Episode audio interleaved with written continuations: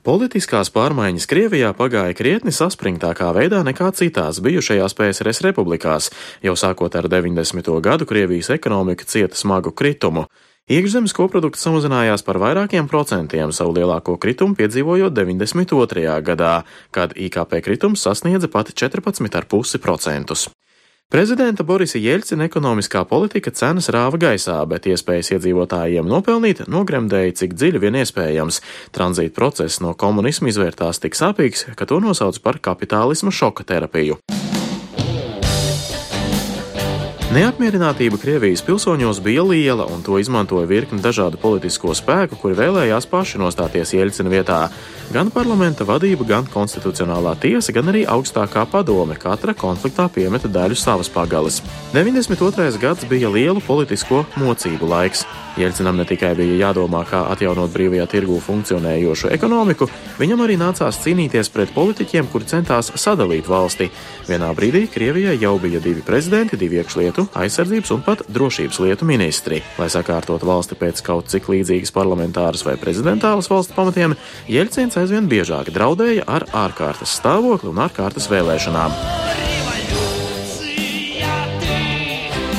Lielākā opozīcija Jeļcinam izveidojās parlamentā. Parlaments mēģināja ierosināt impeachment procedūru pret prezidentu, bet likumdevējam tikai nedaudz pietrūka balsu.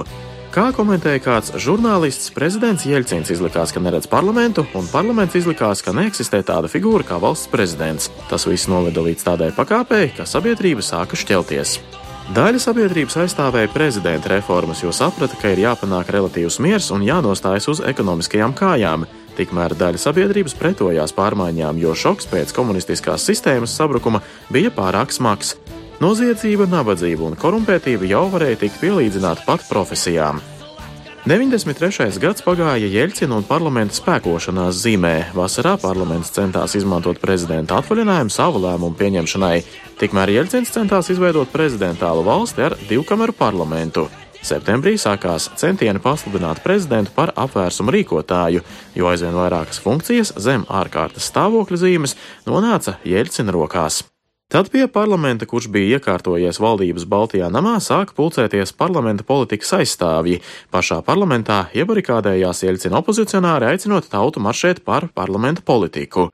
28. septembrī jau bija pirmie sadursmju upuri, un Jeļcins sāka pieņemt mērus. Valstī izsludināja ārkārtas stāvokli. Prezidentam paveicās, ka armijas vadība atbalstīja viņa politiku, lai arī lielākā daļa iesaukto karēvju bija pret Jēlcinu, jo uzskatīja, ka viņš ir atbildīgs par trūkumu un haosu valstī. Parlamentārieši 3. oktobrī centās sakūdīt tautu maršēt uz Kremli, Maskavas mēriju un arī Ostankinas televīzijas torni. Līdz 4. oktobra rītā, saulē lecot pa Maskavas ielām, jau brauca tanki. Tie taisnā ceļā devās uz Balto namu un pāris reizes izšāva pa ēkas augstākajiem stāviem, tad īpašo uzdevumu vienības karēvi ieņēma ēku, attīrot to stāvu pa stāvam.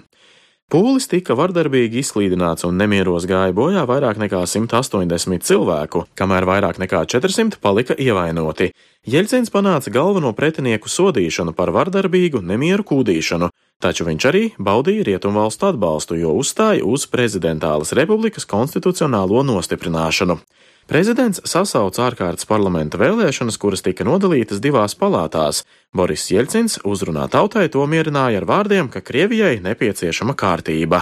Politiskā vara atkal koncentrējās zem prezidenta Jeļcina, un Krievijas pārējais process sāka virzīties noslēdzošajā fāzē. Diemžēl, bet 4. oktobris 93. gadā kļuva par lielākajām sadursmēm Maskavā pēc 1917. gada bolševiku revolūcijas.